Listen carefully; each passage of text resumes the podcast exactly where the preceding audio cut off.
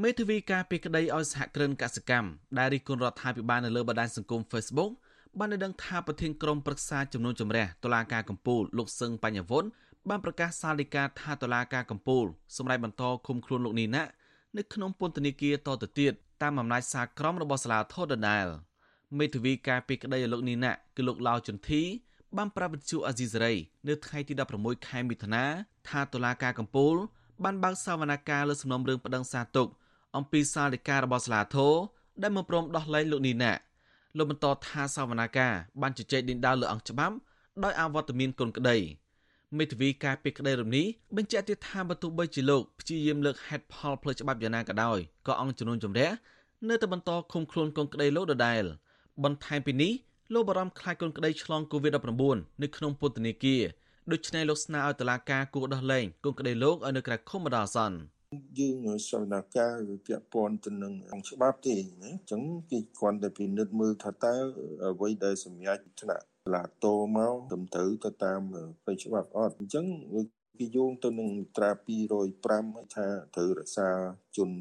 ត្រូវចោតនឹងទុកឲ្យតឡាការអញ្ចឹងបាទហើយដល់យើងលើកវិញថាអរសាជនត្រូវចោតទុកដោយតឡាការសញ្ញាប់ស៊ើបអង្កេតហ្នឹងវាផុតអស់ហើយអញ្ចឹងបិទការស៊ើបសួរផុតអស់អញ្ចឹងវាលែងមានប្រសិទ្ធភាព វិទ្យុអស៊ីសេរីមិនទាន់អាចតាក់ទងកូនស្រីលោកនេះណាគឺកញ្ញាណពុទ្ធាវឌ្ឍនា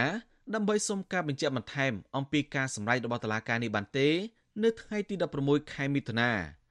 កន្លងមកប្រជាប្រដ្ឋជាច្រើនអ្នកត្រូវបានអាជ្ញាធរចាប់ខ្លួនដោយសារតែការបញ្ចេញមតិរិះគន់រដ្ឋាភិបាល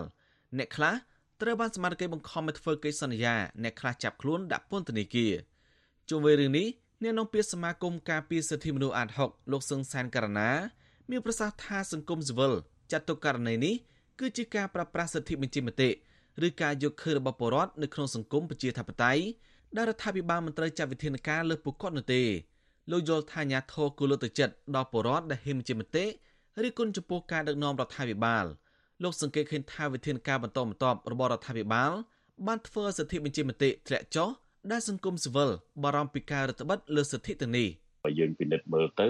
កន្លងមកក្នុងករណីនៃអ្នកដែលគាត់បញ្ចេញមតិពាក់ព័ន្ធទៅនឹងបញ្ហាសង្គមអីទាំងអស់ហ្នឹងគឺពិបាកក្នុងការទទួលបានការផ្ដល់សិទ្ធិឲ្យពួកគាត់បាននៅក្រៅឃុំបណ្ដោះអាសន្នណាហើយទោះបីថាពួកគាត់បានបដិញ្ញាចិត្តក្នុងការអនុវត្តតាមនីតិវិធីរបស់តុលាការក៏ដោយចំណុចទាំងអស់នេះគប្បីជាការពិចារណាឡើងវិញពីព្រោះយើងឃើញក្នុងស្ថានភាពកូវីដនេះផង មានជាជំនឿណែននៅក្នុងពន្ធនាគារផង មានការឆ្លងផងហើយចំណុចចំណុចនៃការស្នើសុំនេះគួរតែចារណាដើម្បីឲ្យពួកគាត់បាននៅក្រៅឃុំ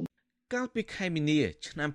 2020លោកនេះអ្នកធ្លាប់ត្រូវបានសមាជិកកោះហៅព្រមានម្ដងរួចមកហើយពាក់ព័ន្ធទៅនឹងការបង្ហោះសាររីគុណរឿងប្រជាប្រដ្ឋជំពាក់បំណុលធនាគារអំឡុងពេលផ្ទុះការរាតត្បាត COVID-19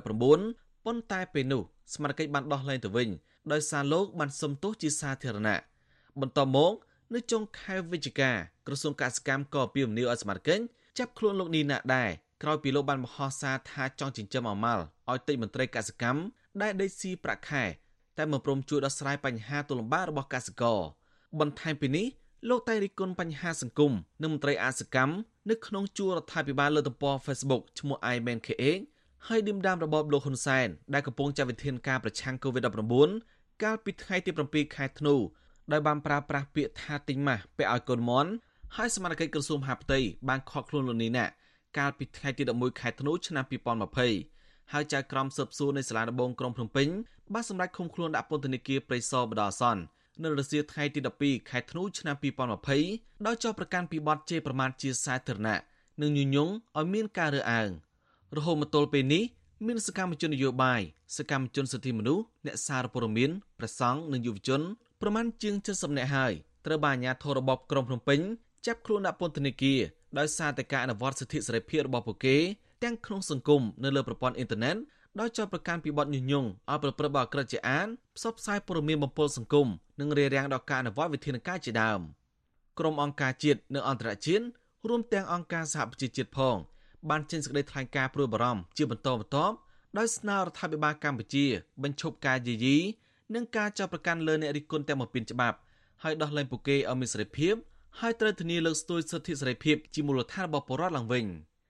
ខ្ញុំសនចន្ទរដ្ឋាវិទ្យុអាស៊ីសេរីរាយការណ៍ពីរដ្ឋធានីវ៉ាស៊ីនតោន